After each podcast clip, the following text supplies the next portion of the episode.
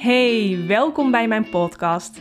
Ik ben Anne Nijnens en in deze show heb ik inspirerende gesprekken over persoonlijke groei en spiritualiteit.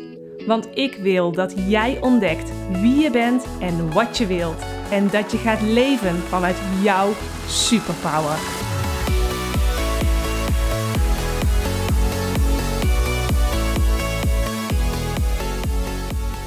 Vandaag is Annemarie Reuzenaar te gast. En Annemarie is kookboekenschrijfster en orthomoleculair geneeskundige. En ze schreef zeven kookboeken. En haar laatste boek heet Zonder suiker en gaat over verborgen suikers in voedingsproducten. Welkom Annemarie. Ja, leuk om uh, in de uitzending te zijn. Ja, ik vind het ook zo mooi dat jij er vandaag bent. Het is namelijk zo, jij weet het al, hè? Ja. maar de luisteraars nog niet dat toen ik uh, 3,5 jaar geleden begon met lactosevrij, suikervrij, tarwevrij te eten, um, dat jouw boek, het Heden Ik kookboek, dat het eigenlijk het enige boek was wat ik echt kon raadplegen. Dat mij handvaten gaf van hoe ik nou met mijn allergieën, met mijn candida om moest gaan. Ja. En dat heeft mij toen zo erg geholpen. Ik heb nu ook de vernieuwde versie, want het is inmiddels al de twintigste druk twintigste druk inderdaad, ja, ja. Want het is al vanaf 1994 uh, is het al op de markt, hè? Dus heel lang al. Ja, ja klopt. Ja. En ik vond het zo mooi toen om te lezen. Het heeft mij toen zo erg geholpen. Maar ik ben ook heel erg benieuwd van... Wat was jouw reden om dat boek te schrijven, dat allereerste boek? Ja, nou dat, dat kwam inderdaad ook omdat er bij mij zelf candida geconstateerd was. Uh, dus ik kreeg, hè, was na een hele tijd dat ik allerlei klachten had, uh, dat ik uiteindelijk erachter kwam wat het was. En toen kreeg ik natuurlijk een dieet voorgeschreven, zoals uh, nou ja, ook in het boek staat. Hè, dus geen suiker, geen koemelk en ook geen gist. Uh, dus dat was een hele ommezwaai. Um, en ik vond dat eigenlijk, nadat ik eerst natuurlijk wel even een dipje had van, oh jee, hè, wat, wat gebeurt er nu allemaal en wat moet ik allemaal, wat kan ik nog wel eten, vond ik het eigenlijk ook wel een hele uitdaging. Dus ik heb dat eigenlijk vrij snel uh, zo gezien. En toen ben ik gewoon allerlei, uh, ja, lekker gaan experimenteren in de keuken. En ontdekte ik dat je eigenlijk nog hele lekkere dingen kon maken. En eigenlijk ook nog lekkerder at dan daarvoor. Het was alleen wel een hele andere tijd dan, uh, dan nu. Want er was eigenlijk in de super, supermarkt al helemaal niet, maar ook in de reformzaken, was er gewoon veel minder keus dan nu. Dus, en ook als je, ja, internet hadden we nog niet in, in die tijd. Uh, maar ook het zoeken naar recepten en dergelijke, ja, dat, dat, het was er gewoon niet. Dus nou ja, dat was voor mij een reden eigenlijk om het zelf allemaal op papier te gaan zetten. Ja, en voor de mensen die niet weten wat Candida is, kun je dat uh, kun je dat even uitleggen? Ja, ja, want het is heel leuk, want ik, ooit heb ik in een radioprogramma gezeten, dat was zo rond die tijd in 94. En toen gingen ze de straat op en toen vroegen ze aan iedereen, uh, wat is dat? Nou, daar kreeg je de leukste antwoorden op. Uh, van, nou, van een snoepje tot een, nou ja, een speeltje in de winkel of wat dan ook. Nou, intussen zijn, hè, is het wel veel meer bekend, maar candida, heel veel vrouwen kennen het van een vaginale schimmelinfectie candida. Nou, dat is eigenlijk wat dan vaginaal lokaal uh, kan zitten. Um, maar dat kan ook in je darmen zitten. En eigenlijk is het gewoon een gist. Um, en op zich heeft iedereen die, dus het is helemaal niet erg als die er zit. Maar het gaat erom in welke mate zit hij er uh, en in welke vorm zit hij er. Dus, en als je veel overgroei hebt van die candida, dan kan je allerlei klachten krijgen. En dat kunnen klachten zijn zoals uh, aan je buik. Uh, maar het kan bijvoorbeeld ook een bronchitis zijn. Of een, uh, dat je continu ontstoken voorhoofdholteontsteking hebt. En dan kan het heel goed dat dat toch vanuit die darm komt. Dus nou ja, en wat gebeurt er, zeg maar, als je dat hebt, hè, buiten al die klachten, dan is het verstandig om te zorgen, want die candida leeft op suiker om te zorgen dat je die suiker dus zoveel mogelijk weg gaat nemen.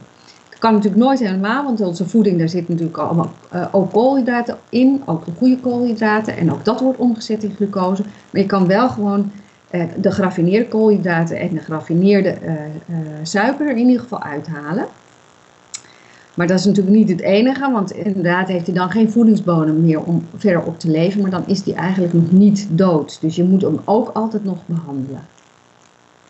Ja, en Candida is dus eigenlijk helemaal niet zo bekend. Maar toen jij, toen het bij jou werd ontdekt, toen was het misschien al helemaal niet bekend. Hoe kwam je daar zelf dan achter? Ja, dat, dat was wel omdat ik bij een orthomoleculair arts uh, was. En die, uh, die was daar wel al mee bekend.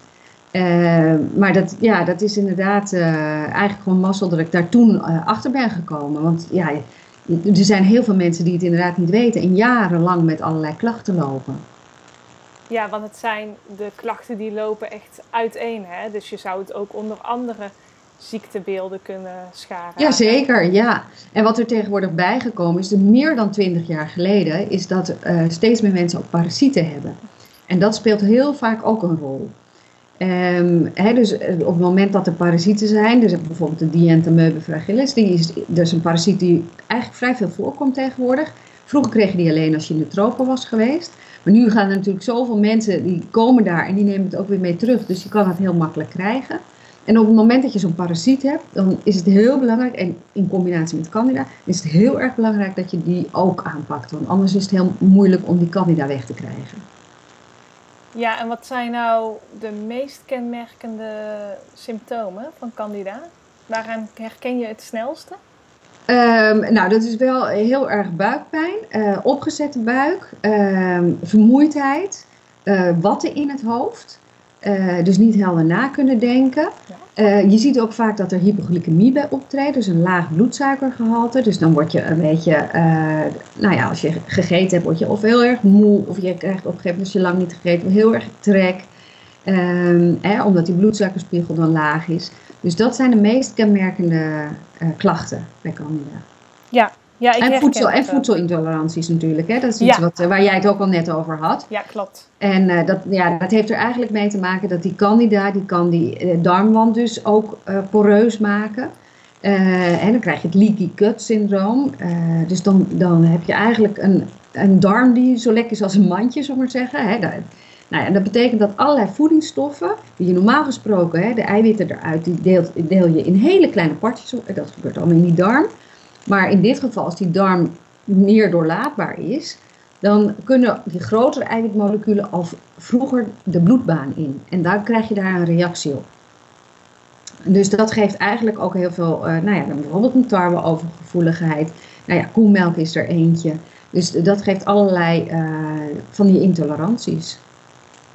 Ja, dat herken ik inderdaad ook heel erg. Ik had ook inderdaad een intolerantie voor tarwe, uh, lactose, hypoglycemie inderdaad erbij.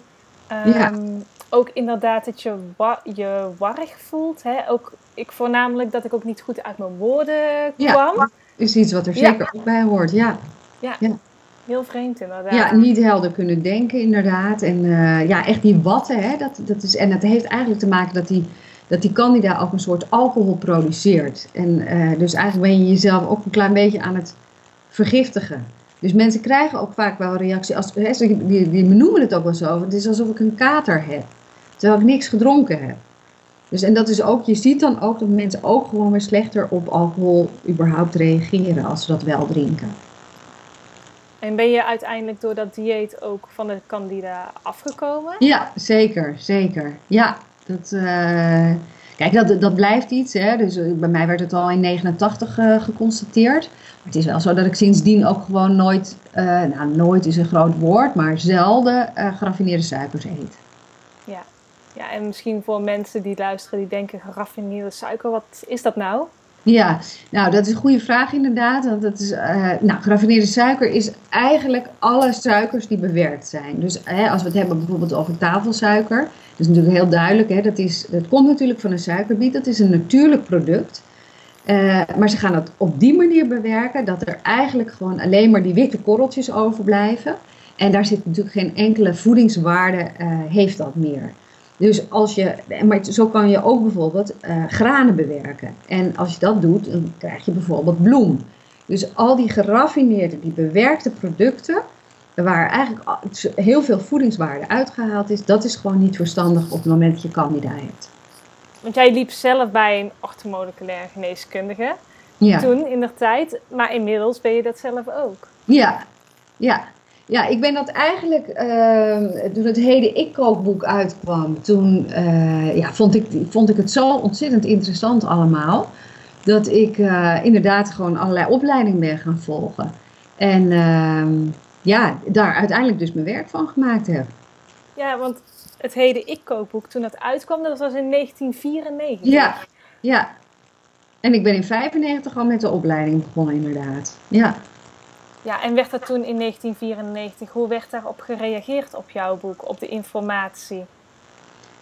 Ja, in, in principe, kijk, het uh, leuke was natuurlijk dat uh, ik Renate Dorrestein kende. En die bij mij ook regelmatig uh, als, als, als uh, proefkonijn wilde opkomen draven.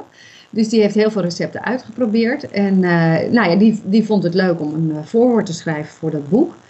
En in principe was het wel zo, toen ik een uitgever zocht, toen dacht ik van nou dat wordt heel erg moeilijk. Want dit is een onderwerp wat natuurlijk ja, gewoon niet bekend is. En wat ook maar voor een kleine doelgroep is.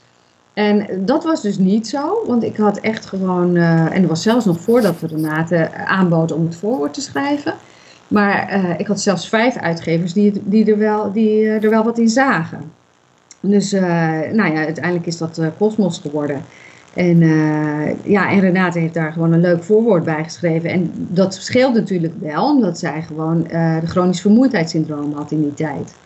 En daar had zij natuurlijk het boek Heden Ik, hè, want dat is misschien ook wel uh, de moeite waard om even uit te leggen. want het boek heet natuurlijk het Heden Ik kookboek. Eerlijk gezegd was dat een titel die ik niet zelf zo bedacht zou hebben. Maar de uitgever die had zoiets van, ja, het boek van Renate Dorenstein, Heden Ik, hè, dat, ja, dat kent iedereen. Dus het is misschien heel slim en goed om dat boek ook zo te noemen. Dus, en ik heb vorig jaar of twee jaar terug met de, met de grote herziening, heb ik nog gedacht van, nou ga ik dat nog veranderen? En toen dacht ik van, nee, eigenlijk moet je een boek wat gewoon op die manier bekend is, moet je gewoon de titel niet gaan, gaan veranderen. Dus ja, eigenlijk ging dat, die bekendheid wel goed. Ik, ik kan me nog herinneren, ik ben bij Catharine Kuil geweest. Ik, ben, uh, ik heb in de Telegraaf gestaan, in de Volkskrant toen, in Parool geloof ik. Dus eigenlijk was daar gewoon toch wel aandacht voor. En dat zal allicht ook wat te maken gehad hebben met de Renate Doorstein. Maar nou ja, het onderwerp kwam in ieder geval wel op de kaart. Dus dat is heel belangrijk. Maar er is natuurlijk een supergroot verschil met hoe het nu is. Ja, absoluut. Ja, ja, ja, dat is, uh, ja, dat is een wereld van verschil. En het is, uh, ja, toen was je echt een uitzondering. En, en uh, überhaupt dat reform eten zat natuurlijk echt in de geitenwolle sokkenhoek. Ja, en nu zit het in de hippenhoek. En dat is alleen al een heel groot verschil. En eerlijk gezegd vind ik wel eens dat het ietsje te ver gaat. Maar het voordeel is dat daarmee gewoon de, keuze aan producten enorm veel groter is geworden. Waarin vind jij dan dat we zijn doorgeslagen? Of nou, het, het, het uh, zeg maar dat we en masse de gluten laten staan, bijvoorbeeld. Dat, dat snap ik wel, maar dat is niet altijd nodig. Want uh, zeker bij mensen met celiakie, dan kan dat natuurlijk niet anders. De, hè, dat is natuurlijk echt een, een aandoening waarbij uh, nou ja, de, de borstelzoom in de darm, hè, de fili, aangetast worden. Um, en, en waarbij je echt gewoon geen gluten kan verdragen. Daar word je dan heel ziek van. Daarnaast is er natuurlijk wel iets interessants. Waar, en dat is eigenlijk wel ontstaan door ook die hype. Dus dat is de goede kant ervan. Is dat we nu op, uh, ook de glutensensitiviteit hebben benoemd. Dus dat is, je kan het niet aantonen. Maar mensen reageren er wel op. Nou, en het punt met die gluten is eigenlijk dat je Um, we hebben natuurlijk jarenlang gewoon heel veel brood gegeten. Ja, want we zijn natuurlijk een broodminnend landje. Um, maar ook niet het beste brood. Dus het brood wat van de supermarkt komt, ja, daar zitten gewoon uh, naar verhouding heel veel meer gluten in. Uh, omdat het eigenlijk in anderhalf uur tijd, uh, nou ja, klaargestoomd moet worden. Um, en anderhalf uur is gewoon veel te kort voor een brood. Dan, krijg je het niet mooi, eh, kan je het niet mooi laten rijzen. Dus zijn er meer gluten ingestopt. Dus we zijn ook heel veel meer gluten gaan uh, binnenkrijgen. Dus op zich is het logisch dat mensen daarop reageren. Maar waar je naar moet kijken in principe is gewoon nog altijd de conditie van de darm. Want waarom kan iemand niet tegen gluten? En uh, het, het, risico van uh, gluten zomaar laten staan zonder dat daar een reden voor is, ehm, is dat je toch bepaalde tekorten oploopt. Als je dat zelf doet. Of dat je het door dingen vervangt die, hè, die eigenlijk gewoon niet een, een goed product zijn, omdat er allerlei handgrepen plaats moeten vinden om er toch nog iets lekkers van te maken. Dus dat vind ik wel een risico. Ja, dat, dat herken ik ook wel inderdaad. Ik zelf ben wel uh, heel erg gevoelig voor gluten. Ja. En dan vragen mensen vaak, oh, eet je dan glutenvrij brood? Maar ja, dat zit eigenlijk ook zoveel zooi en zoveel toegevoegde producten in. Ja. Dat ik dan eigenlijk dat ook liever niet eet. Nee. nee, nou ik denk dat dat inderdaad heel verstandig is. Want het is gewoon heel erg moeilijk om zo'n brood lekker te maken. Dus dat betekent dat je beter kan gaan kijken naar, nou ja, naar andere oplossingen. Uh, en die zijn er gelukkig. Hè? Als je gewoon een volwaardige salade neemt of uh, met, met eiwitten erbij. Of je uh, neemt een, een, een, soep. Of je, je, je, bakt glutenvrije pannenkoekjes. Dat kan over het algemeen wel goed. Dan zijn er best opties voor. Maar je moet natuurlijk wel gewoon heel goed in de gaten houden of je niet bepaalde vitamine en mineralen tekort komt. Ja, want dat is denk ik ook wat jij bedoelt met gezond eten hè? en goed voor jezelf zorgen. Dat je kijkt naar wat jouw lichaam nodig heeft en dat je geen tekorten opbouwt. Ja, zeker, zeker. want we hebben enerzijds gewoon dat de landbouwgrond natuurlijk uh, echt ook al uh, nou ja, tekorten heeft. Dus dat betekent dat, uh, dat dat ook niet in ons eten zit. dan bijvoorbeeld zink en selenium, dat zit er gewoon echt te weinig in. Maar als je dan ook nog eens, zeg maar, nou ja, niet volwaardig eet, dan is het risico dat je inderdaad ja, meer tekorten oploopt. En op het moment, kijk wat je nu ziet, dat niemand meer uh, brood durft te eten. Ja, dan blijf je toch gewoon wel zitten met uh, de jodiumtoevoer. Uh, en ik denk niet dat de meeste mensen dat aanvullen, eerlijk gezegd. Um, en en dat, is, dat is gewoon wel belangrijk. En je ziet ook, want er zijn nu onderzoeken naar gedaan. Vorige week kwam ik dat tegen dat de, de, het laatste jaar, de laatste jaren eigenlijk, dat uh, er meer mensen met jodiumtekort uh, zijn dan een tijd terug. En dat is op zich wel verklaarbaar. Dus dat is wel echt iets waar, uh, waar je op moet letten. Als mensen bij jou komen met bepaalde klachten, hoe ga je dan te werk? Ja, nou, je, je begint natuurlijk altijd met een tenminste ik stuur mensen altijd een uitgebreide vragenlijst. Um, dus die moeten ze helemaal uh, invullen en die wil ik een week van tevoren terug, zodat ik daar uh, voor het consult vast naar kan kijken. Um, ze moeten ook voor mij een uh, voedingsdagboek bijhouden. En dat moeten ze minimaal een weekend doen en nog door de week ook. en allerlei andere vragen over de voeding. Um, dus daar begint het mee. En op het moment dat ze dan bij mij komen, gaan we die doornemen. Um, nou ja, omdat voeding een heel belangrijk onderdeel is en de meeste mensen die bij mij komen ook gewoon wel reageren op voeding, ga ik ook altijd een uh, allergenetest doen. En dat doe ik met een biotensor, dat is een apparaatje wat op frequentie werkt. Dus dan, uh, ja, dan heb ik heel veel testbuisjes en daar uh, zitten allerlei voedingsmiddelen in en die ga ik testen bij mensen. Dus dan gaan ze wel direct ook al met een voedingsadvies de deur uit. En afhankelijk van uh, wat de klachten zijn, ga ik kijken wat voor onderzoek er nodig is. En dat kan in bloed zijn, dat kan in urine zijn uh, en dat kan in ontlasting zijn. Ja, in, je, in jouw laatste boek, Zonder Suiker, daar gaat het ook over die verborgen suikers in voedingsproducten. Ja. Ja. Wat kun je wel eten als je suikervrij wilt eten? Ja. Helemaal suikervrij, dat lukt natuurlijk niet. Hè? En dan in, in, uh, we hebben het hier ook wel weer over de uh, suikers. Hè? Dus die bewerkte suikers. Uh, waar ik in dit boek met name aandacht aan besteed. Want zonder, helemaal zonder suikers en zonder natuurlijke suikers, hè, want je eet ook gewoon fruit waar natuurlijke suikers in zitten en dergelijke, kan je niet en dat hoeft ook niet. Maar het gaat mij erom dat in, in, hè, in nou ja, 80% van de supermarktproducten, daar is gewoon een vorm van suiker toegevoegd. Dus, en, en we voegen zelf ook maar 15% toe hè, in de keuken. En 85% ja, dat, dat is gewoon, uh, dat krijgen we binnen door, door, nou, doordat het verborgen zit. En de ellende is dat dat dus al bij, uh, van jongs af aan gebeurt. Want nou, dat staat ook allemaal in mijn boek, uh, ook bij babyvoeding, dat daar gewoon in opvolgmelk, daar zit al toegevoegde suiker. En als je het hebt over koeken voor de uh, kinderen, zeg maar vanaf de, de baby's vanaf vier maanden, die voor het eerst wat vast uh, voedsel gaan eten. Dan zitten daar bijvoorbeeld de liga-koeken, waar gewoon al geraffineerde suiker aan toegevoegd is. Dus we, gaan, we wennen onze kinderen er van jongs af aan aan dat producten zoet smaken. En we zijn daar dol op. Dus het is ook heel erg lastig om daar dan vanaf te blijven. En, en ja, dat, dat gaat eigenlijk door en dat is tot de sauzen, de soepen, maar ook de uh, vleeswaren. Je vindt eigenlijk geen pakje vleeswaren in de supermarkt waar niet een vorm van suiker in zit. Dus dat, dat, uh, ja, dat is natuurlijk eigenlijk wel treurig als je dat constateert. En, en op zich wel logisch, want het is een conserveermiddel, het is een smaakversterker, het is een goedkoop ingrediënt.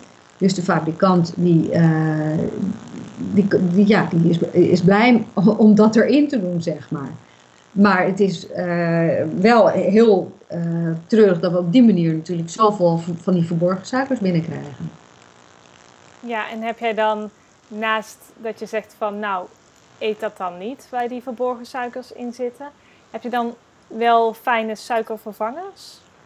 Ja, dat is natuurlijk een hele lastige discussie. Hè? Want, want uh, er wordt nu veel gebakken met kokosbloesemsuiker, palmsuiker, uh, met agavesiroop, met ehm, nou ja, hè, dat, dat, soort, dat soort dingen allemaal. En in principe, als je gaat kijken naar wat dat in het lichaam doet, wat dat met de bloedsuikerspiegel doet, want dat is ook hè, waar, waarom ik zeg van nou, je moet gewoon zo min mogelijk geraffineerde suikers binnenkrijgen. Omdat die bloedsuikerspiegel, je laat eigenlijk, hè, want misschien is het goed om voor de luisteraar nog even uit te leggen, op het moment dat je suiker gebruikt, gaat de bloedsuikerspiegel omhoog.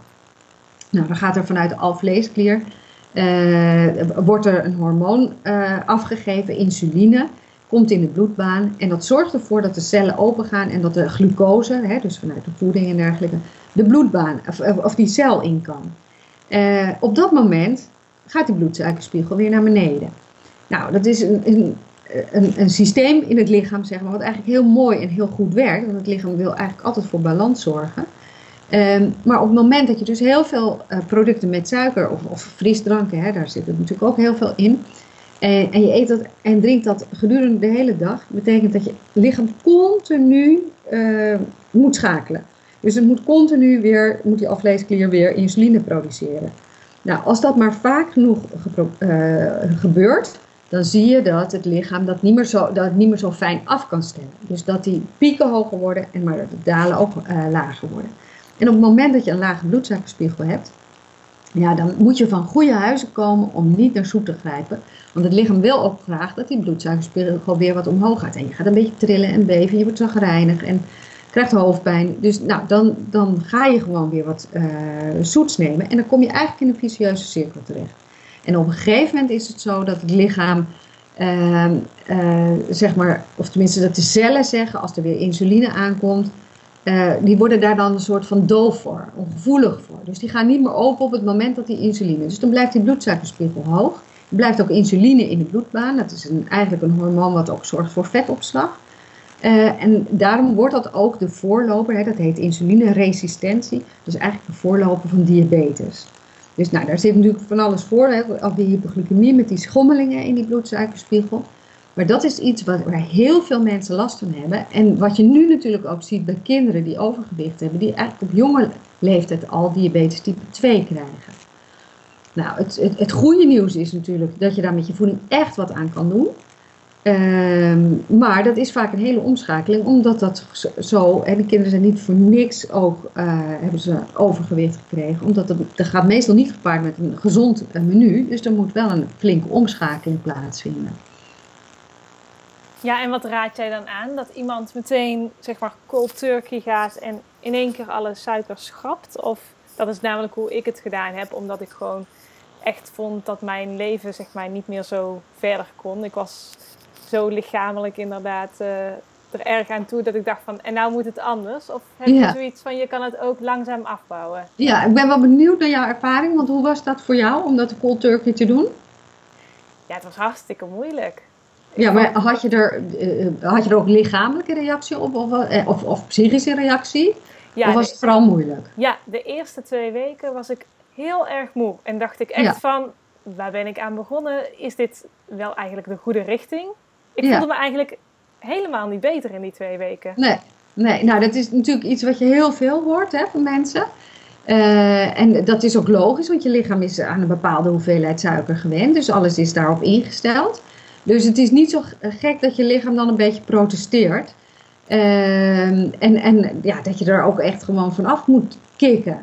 Ehm, je, je, krijgt soms ook echt gewoon uh, flinke ontgiftingsreacties. Hè? Dus een slechte adem, en meer zweten en meer hoofdpijn. Dat zijn allemaal dingen die er echt bij kunnen horen. Nou, het verschilt een beetje uh, van persoon tot persoon of dat verstandig is om dat cold turkey te doen.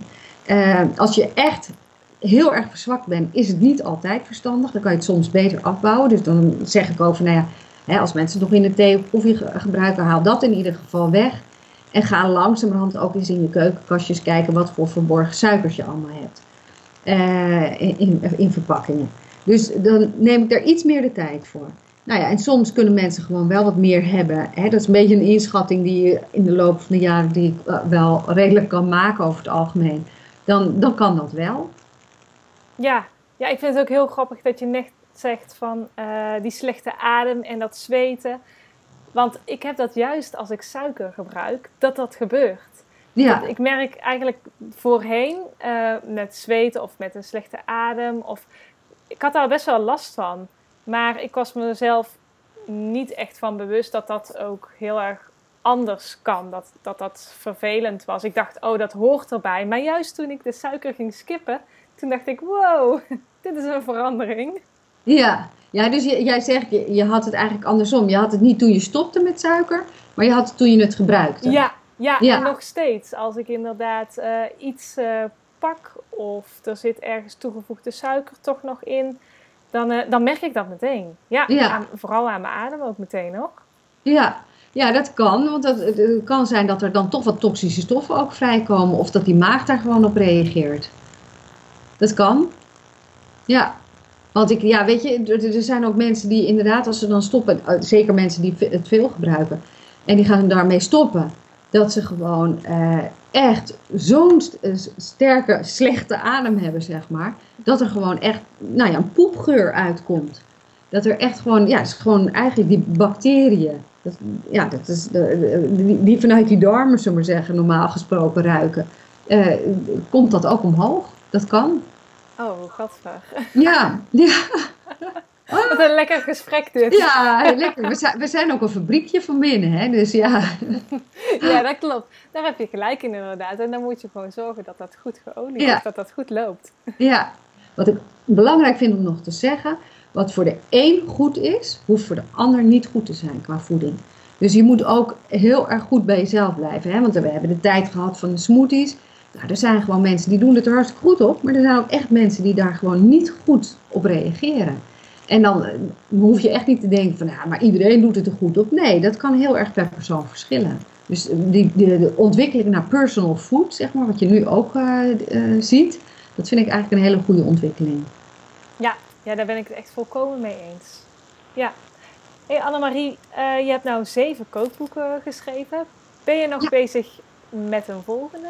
Ja, ik ben bezig met een volgende. Jee! En wil je daar iets over vertellen of wanneer die uitkomt? Nou, ik ga nog niet, uh, ik ga nog niet over het onderwerp vertellen.